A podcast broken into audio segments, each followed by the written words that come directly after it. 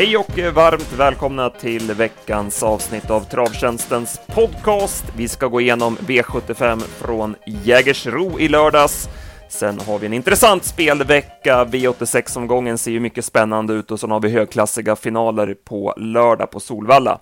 Jag heter Andreas Henriksson, jag har med mig P.A. Johansson. Ja, P.A. vi börjar direkt med Jägersro och det var ridå för, för vår del redan i starten i V751. Ja, precis. Vi hade, gick ju på Rackham på alla system. Vi hade ju kollat alla loppen, hade gått med voltstart och var rätt övertygade om att det skulle han i alla fall fixa. Därför gick vi, tyckte han var spelvärd dessutom på procenten. Så vi gick på honom, men han galopperade direkt. Han satte inte en fot rätt. Nej.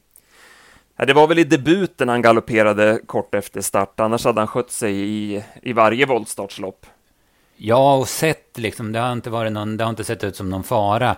Eh, han har klivit iväg, ja men till och med lite halvsnabbt någon gång utan att vara någon raket. Då. Så att, som sagt var, vi var inte oroliga. Men det, nu kan det låta som en dålig förlorare, men jag måste ta en grej direkt här. Och det är de här jäkla materialfelen helt enkelt. Jag, jag har sett så många gånger hur det ja, men förändrar lopp eller rent av saboterar lopp. Det är lika utslagsgivande tycker jag som en omstart. Och jag blir så irriterad. Nu var det den tyska hästen där som hade skakat ur en tuss ja men hur svårt kan det vara att sätta dit dem ordentligt? Eller att det är någon, någon ännu värre är ju när de lägger på boots, ja men så, så starten blir försenad.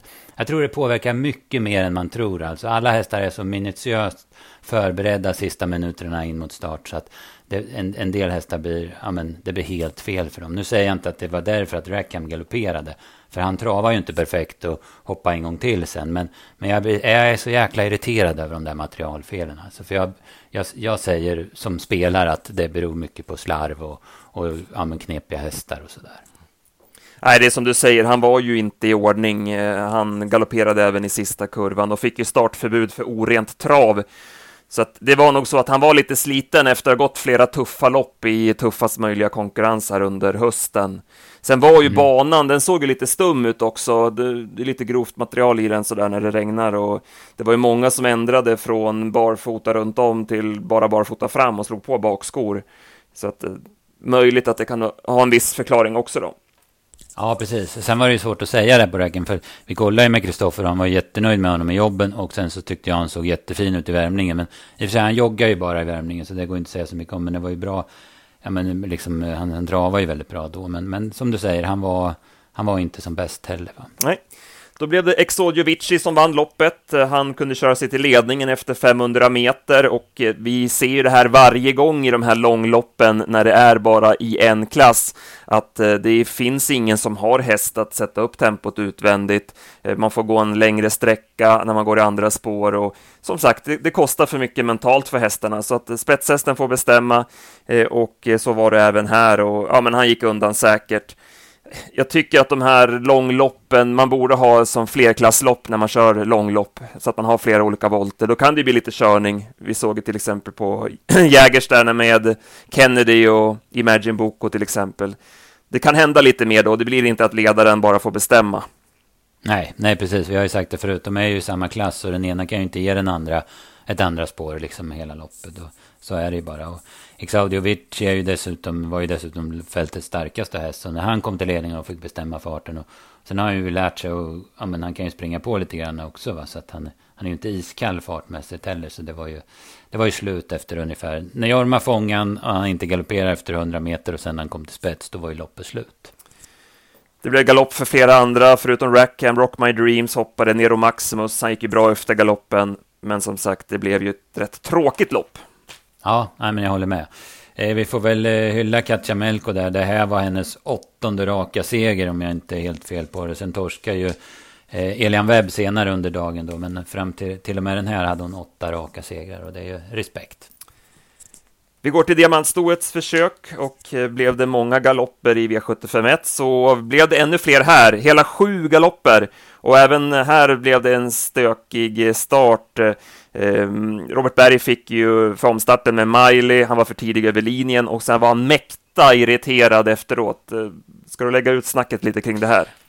Ja, han menar ju på att eh, Konrad Lugauer som leder den volten är alldeles för tidig. Så ska, han, ska Robert Berg som hade eh, spår 5, då en struken, men han voltar ju fortfarande i spår 5. ska han eh, eh volta som han ska, så att säga, då kör han över linjen som han gjorde i första i första försöket där som blev omstart. I andra så, han visar ju med gester och ja, men så, så tydligt som det bara går att han var missnöjd under voltningen. Och sen när, när, när man vänder upp då vid två, då tar han istället rygg på, på Björn Goop som har nummer tre och tappar 20 meter då. Eh, ja, men för att visa en gång till hur fel Lugauer låg i volten så han var tvungen att göra sådär. Men jag har försökt att titta på det. Man, man visar det ju väldigt bra i tv-sändningen. Per Skoglund körde med stillbilder liksom. Och eh, visst, eh, Lugauer ligger lite fel, men jag tycker det är rätt spritt över hela Ja men hela volten, för det är ju fem volter blir det i det här loppet. Va? Man har ju springspår på första volten, där ligger ju Thomas Uber klockrent. Alltså. Sen ligger ju Jim Oskarsson som leder volt två. Ja men han är också tidig som det såg ut. Och så voltar Lugauer ungefär i jämnbredd med honom då, som, så som det ska vara. Va? Så att, eh, visst är han tidig, men sen så, så, liksom så hejdar han sig lite grann. Så att det, det blir rätt så bra ändå. Kristoffer Eriksson kör ikapp Jim Oskarsson på mittenvolten där, eller på tredje volten där, så de kommer också bra över. Så när starten går så är väl hästarna, förutom Miley och förutom springspåren på tillägg, så är de där de ska. Eh, så att jag vet inte vad jag ska säga om det där egentligen. Vem som gjorde fel och vad som var fel och om det var något fel överhuvudtaget. Jag har svårt att bedöma det alltså. Mm. Nej, som sagt, han var riktigt irriterad. ja, det var han verkligen. Efteråt var han jätteirriterad alltså. Ja, så var det. Eh, Miley, hon som sagt tappstart där och sen var hon ju rätt trött tidigt så att hon tappade mm, ju hon var blek, var sämre igen mm, efter ja. några riktigt bra lopp. Eh, det blev Dev Staffodil istället som vann och hon fortsätter att imponera. Vann med åtta längder och eh, fick ett bra lopp i andra par utvändigt och sen försvann hon bara undan till slut. Det är riktigt bra stil på henne för dagen. Ja, verkligen. Hon eh, knäckte ju Valletta redan 300 kvar och sen som du säger vann med åtta längder och så ruggigt bra intryck på henne. Hon såg smått okörd ut på 11,5 sista 800 så att hon är verkligen bra i ordning.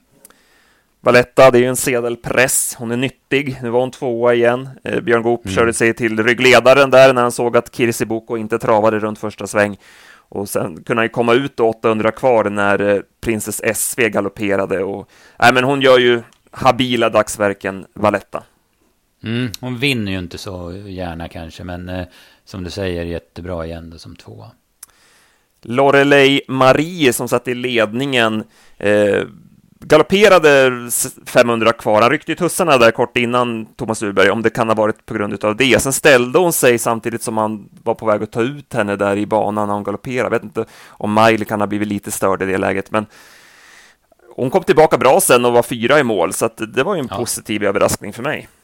Ja, verkligen. Hon, hon har sett rätt fin ut i, i Danmark där, men det har ju varit väldigt billiga gäng. Men hon visar att hon, att hon duger ganska bra där. Made in Sweden som också har lite form var ju positiv. Hon halkar ju visserligen med på innerspår, men ändå positiv som fyra då. Jag hade ju känsla för Kirsi Boko, det var helt fel.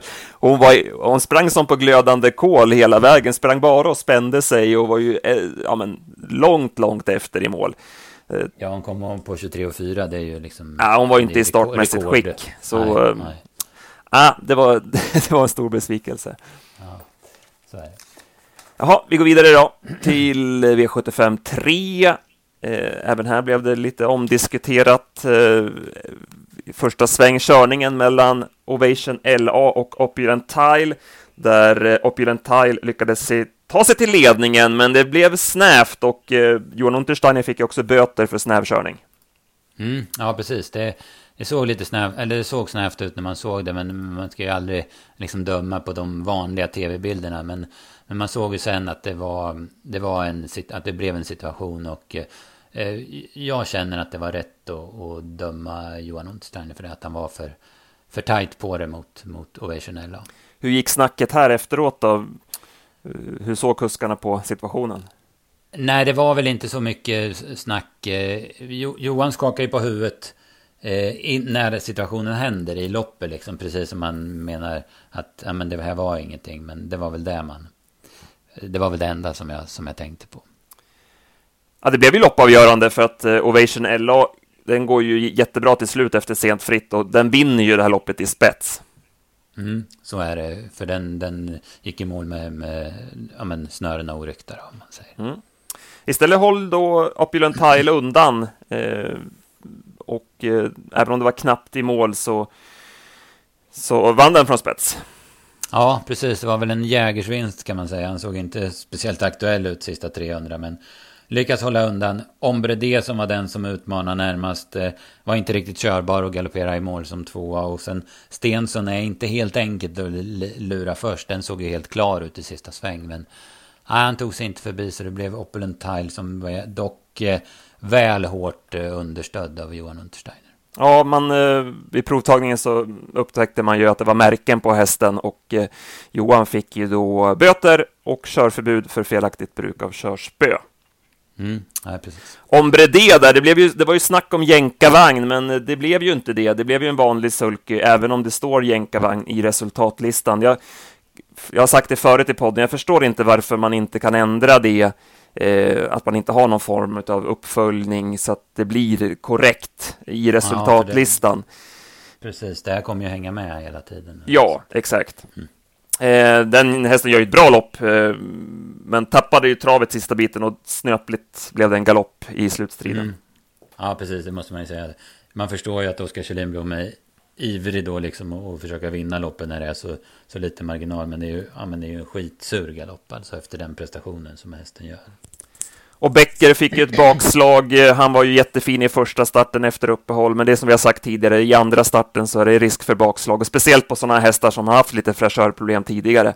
Eh, han travade ju sämre och eh, även han rullade över i galopp till slut.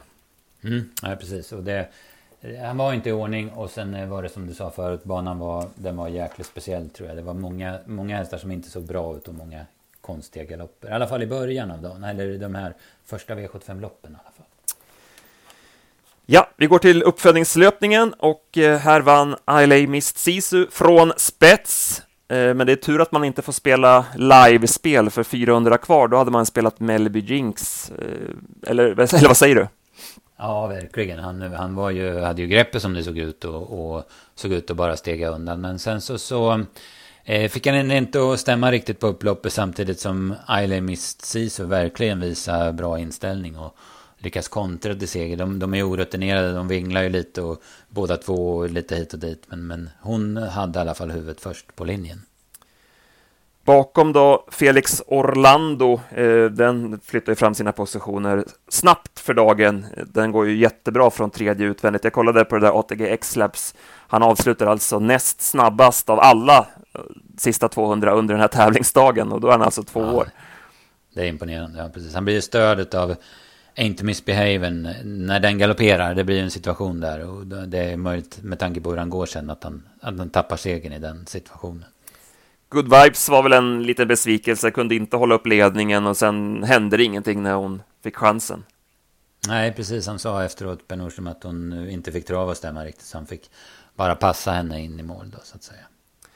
Manual Flight, eh, den eh, vart ju också lite störd där i sista sväng när Eh, inte minst Behaving galopperade och då, sen tog den liksom inte fart igen. Liksom den, ja, den är orutinerad och den trivs ju inte att springa bakifrån. Men jag tyckte ändå att det var bra intryck på den innan. Han var på väg där i spåren innan den här situationen, så att eh, den kan ju bli spännande nästa år.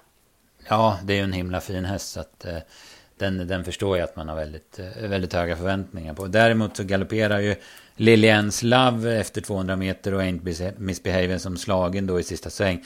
Eh, det var lite överraskande tycker jag, för jag, som jag tyckt tidigare så Jerry Jordan är fruktansvärt vass och ställer dem i ordning till finalerna. Hans hästar brukar vara bättre i finalerna än i försöken. Men, men nu var det inte så, men det är ju bebisar, det är, de, de är ju, det är inte så lätt att, att göra, komma rätt liksom. Det är ju det är hästarna som styr helt och hållet på den här nivån. Mm. Vi går till V75s femte avdelning. Eh, vi trodde mycket på Easy Cash, Robert Bergs eh, nyförvärv. Eh, han fick en tung löpning, han kunde inte komma förbi Frodo S från start och sen var det ju bara dödens kvar åt honom. Jag tycker ändå att han var lite tung och blev lite väl trött i slut, så att, ah, inga plus i kanten.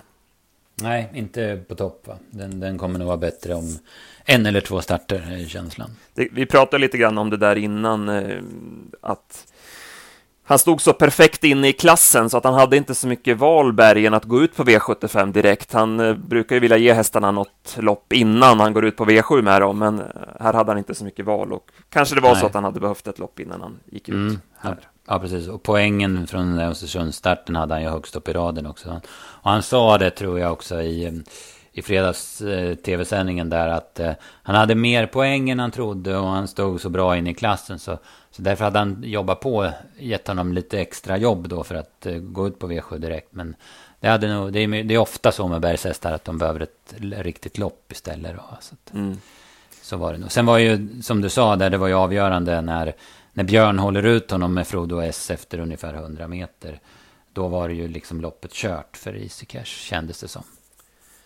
Frodo S fick ju lägga en, eh, en speed där för att komma till ledningen och sen drog han på i bra tempo. Jag tycker han håller jättebra som tvåa, men han kunde inte stå emot Upper Face som fick loppet i andra par utvändigt och avgjorde till slut. Mm. Ja, den har ju verkligen eh, höjt sig. Den har ju eh, var ju bra i Eskilstuna senast bakom Dwayne Sett och gjorde det jättebra. Han såg ju väldigt fin ut hela vägen också. Så att det, det var ingen överraskning där att han att han kunde avgöra. Men som du säger, Frodo S gör ju ett jättebra lopp. Björn gör ju en jäkla snygg grej när han håller ut Berg, som jag sa, från start. Men sen tycker jag han kör onödigt tufft för att, att komma till ledningen. Det var ju liksom givet att han skulle få överta utav den danska hästen i spets. Så att han hade kunnat gjort en Örjan och att det hade tagit 200 meter längre istället för att lägga den där speeden för att komma till ledningen. Så det, tänker jag, men eh, även solen har ju sina fläckar. Upper Face, jag tycker han har höjt sig i jänkarvagnen också. Han ser ut som en häst som passar väldigt bra i den.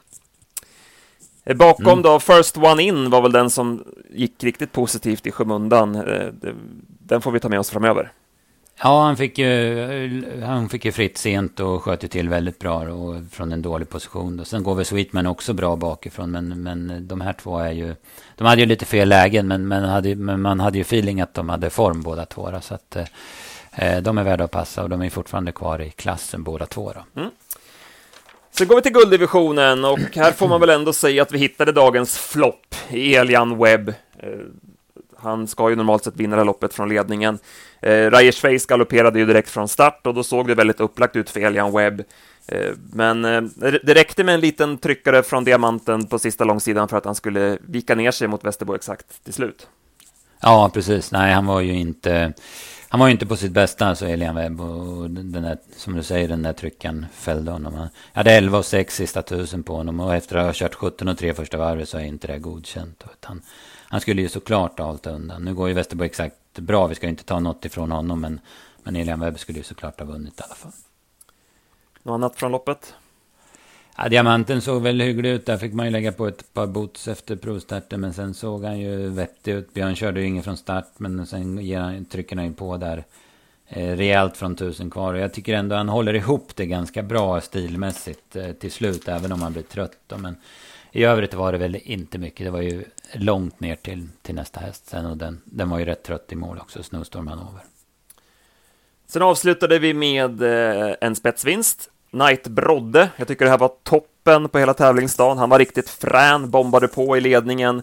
Eh, 10-7 första tusen, sen blev han ju trött till slut, men han hade så pass stor marginal att det var långt ner till övriga. Han vann på 11-8. Och han visade igen att det är en annan häst när han får starta en bit ut på vingen. Han är inte lika snabb när han spår långt in, utan han behöver ha lite tid att få upp farten och eh, nej, så den är riktigt häftig. Mm, nej, det är, en, det är en eh, väldigt bra häst, jag håller med. Den, han såg ju, det, det syntes ju hela loppet att han skulle vinna, även om det gick fort och han kanske låg på lite grann. Så det var, jag håller med dig, det var bästa prestationen på dagen. Staro Leonardo, han skickade på fjärde spår där, 600 kvar Lövgren, och körde väl lite grann i halvspår där framför, så att uh, han skickade på där. Och det var väl också så att det var svårt att se någonting när man satt långt bak, det var ju skitigt och Eh, svårt med sikten, så att eh, Löfgren skickar på i vida spår där och ja, han är ju tvåa i mål, så han går ju jättebra. Han bryter ner lite grann på upploppet när han blir trött där, men håller ihop det och blir tvåa, så att jag tycker även han var riktigt bra. Mm, ja, precis. Han hade ju avslutat i tolv sista åtta och det var ju som du säger vida spår och sen eh, snabbt första varv. Så att, ja, det var starkt gjort. Sen håller väl Franklin Face, gör ju mycket bättre prestation än senast på Jägerstund nu. Då. Han får ju dödens visserligen eh, långt efter ledaren, men han håller ju ändå farten klart bra som trea. Vad tyckte du om Asimut? inte speciellt bra. Va? Han fick ju ett rygglopp i, i draget och sen får han, går han ju först visserligen. Men det är ju bara 600 kvar då. Sen, och han var ju aldrig aktuell på något annat än en typ en plats. Va? Så att, nej, inget speciellt. Nej, så var det. Eh, vill du säga något mer kring Jägers-omgången? Nej, det var väl, det vart ju svårt då i och med att Västerbo Exakt vann. Annars så var det väl en, inte, ja men ingen omöjlig omgång. Vi gick ju bort oss på spikarna då. då men, men sen vart det ju Västerbo Exakt. Vi hade ju den väldigt högt och rekommenderar ju även spel på den tvillingen mot Elian Webb. Så att vi var inte helt borta på honom. Men, men ändå, V75-raden var för svår för oss kan jag väl säga. Mm.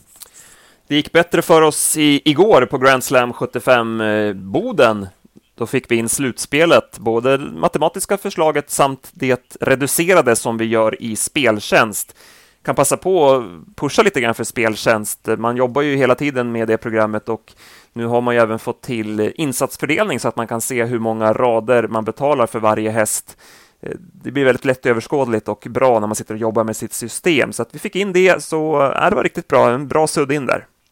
Mm. Ja, men precis. Det, var, det är bra och det är bra som du säger, det där med att se hur mycket man spelar varje häst. Det, det är jäkligt viktigt för det, det är lätt hänt annars att man lägger stora pengar på någon häst som man egentligen inte tror har någon chans. För, utan man får en, en ögonöppnare där. Ja, precis.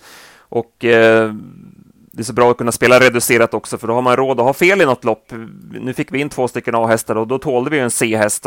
Trots att Lennox Ladej var långt ner på ranken så fick vi med honom på, på förslaget. Och eh, det blev runt 60 000 in, tror jag. Så det var ju mm. riktigt mm. positivt. Så att, ja. Ni som inte har konto än på Speltjänst, gå in och regga er. Det är helt gratis att använda programmet och eh, man kan ju spela även Svenska Spels eh, poolspel där. Så in på Speltjänst direkt. Eh, något annat? Yes. Eh, nu, vi har en intressant spelvecka som kommer. Ska vi börja med onsdagen? Det är ju löning och en mycket intressant V86, Solvalla och Åby. Du har kollat lite grann på omgången.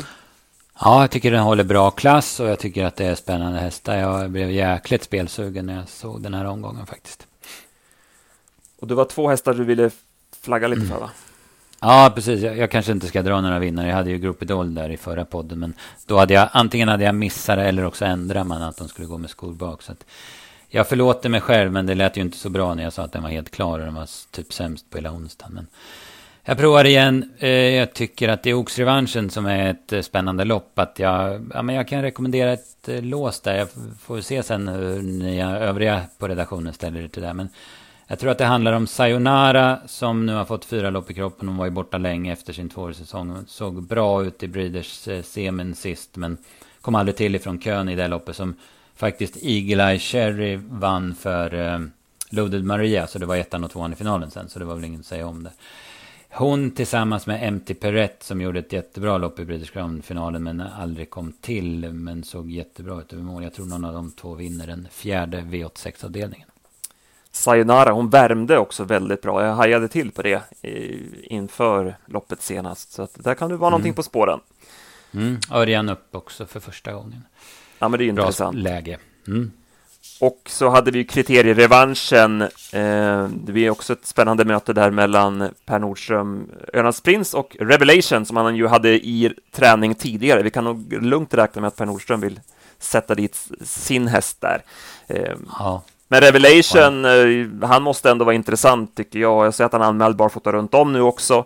Han var ju väldigt bra i debuten för Berg. Eh, sen gjorde han ett bra lopp även i finalen senast och även två lopp i kroppen och det ser spännande ut åt honom tycker jag.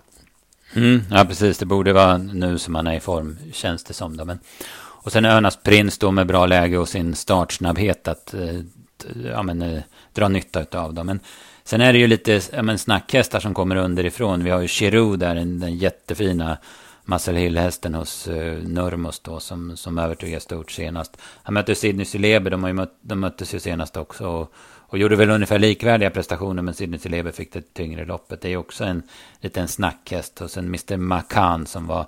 Han var fin, men han var väl kanske inte på topp, men vann i alla fall i onsdags. Så att han är också spännande. Sen har ju Lars-Åke Söderholm en jäkla fin häst i Powerbank. Den kan ju också öppna enormt bra. Nu säger jag inte att han tar en länk på Önas Prins, men den är i alla fall en faktor i spetsstriden där. De tipsen släpper vi då på onsdag klockan 15 och sen laddar vi för finalerna på Solvalla lördag och eh, ja, vi kan inte klaga på klassen på tävlingarna. Nej, grymma hästar alltså för sin klass i alla sju V75-loppen. Det ser hyperspännande ut. Och rätta mig om jag har fel, men har det varit något sånt här långt meeting tidigare? Börjar de inte typ ja, men efter derbyt eller efter Åby, Åby stora helgen eller något där? Det känns som de håller på med det här meetinget jättelänge. Mm. I alla fall. Många som har haft sikte på just den här tävlingsdagen, så vi kan nog räkna med att det är vässat till tänderna på många håll. Eh, vi ska prata lite grann om eh, två lopp, dels V75s tredje avdelning, bronsfinalen. Det var en häst som jag hajade till på eh, senast på Solvalla, det var väl i onsdags. onsdags ja, Born Unicorn tyckte jag gjorde ett jättebra lopp. Eh, han var ju bra redan på Gävle, han har ju kommit tillbaka jättefint här nu i, i tre starter. Men han gick väldigt bra bakom Cab tog mycket på honom den sista biten in mot mål. Nu fick han spår 8 här eh, och det är tufft emot, men förhoppningsvis kan vi få odds därefter. Jag tycker att han är ett givet streck så här på måndag morgon i alla fall.